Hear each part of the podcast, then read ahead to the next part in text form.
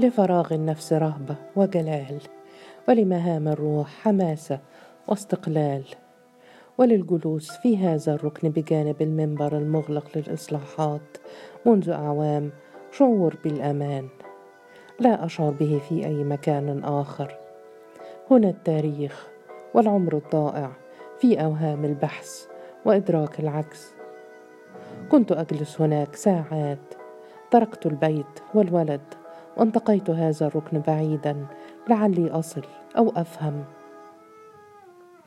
في كل رحلة وصول وقصة مكتملة وفي كل قصة مكتملة فوز وراحة للنفس التائهة.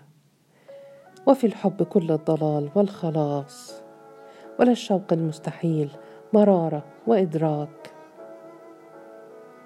في هذا المسجد أتذكر حماس جدي دكتور صلاح وغضب أمي وسخطها وموتها وحيدة في بلاد بعيدة.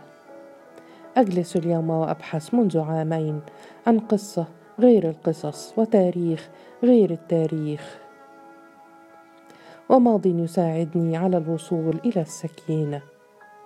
في كل قصة قطعة من نفسي ربما أو كل نفسي. لتعاستي أسباب كثيرة بعضها واضح وأكثرها مبهم. هي الوحدة المنتشرة بين أركان الروح.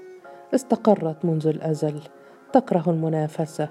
لا تترك مكانا لغيرها أبدا. بحثت كثيرا عن هذا التاريخ وهذه القصة. قاضي قوس. اسمه موجود في الكتب والمخطوطات. عمرو بن أحمد بن عبد الكريم المناطي. سمعت صوت الشيخ يقول في رفق أتحتاجين إلى شيء؟ أراك هنا منذ شهور تأتين تجلسين تصلين. قلت في هدوء أحب الصلاة وحدي. في الوحدة استسلام لله لا أجده وسط الجموع. قال تبحثين عن شيء. قلت ربما.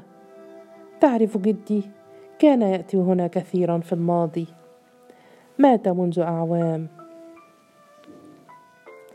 نظرت إلى الشيخ. بدا في الأربعين؟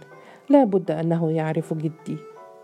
قلت وأنا لست متأكدة بعد من أنني أريد الكلام معه.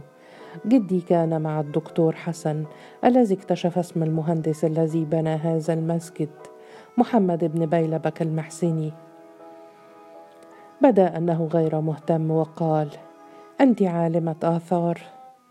قلت في تأكيد أبحث منذ زمن. فقال عن المهندس الذي بنى الجامع قلت لا عن قاضي قوس. نظر إلي في عدم فهم فأكملت. اسمه ورد في المخطوطة مع اسم مسجد السلطان حسن. فقال وما شأن مسجد في القاهرة بقاض في قوس؟ فقلت في الحكي البدء والوصول وفي اكتمال القصص امتلاء للنفس وراحة للروح. تتشابك الأنفس عبر الأزمنة والأماكن ويستحيل الفصل مهما حاولنا. ما زلت أبحث.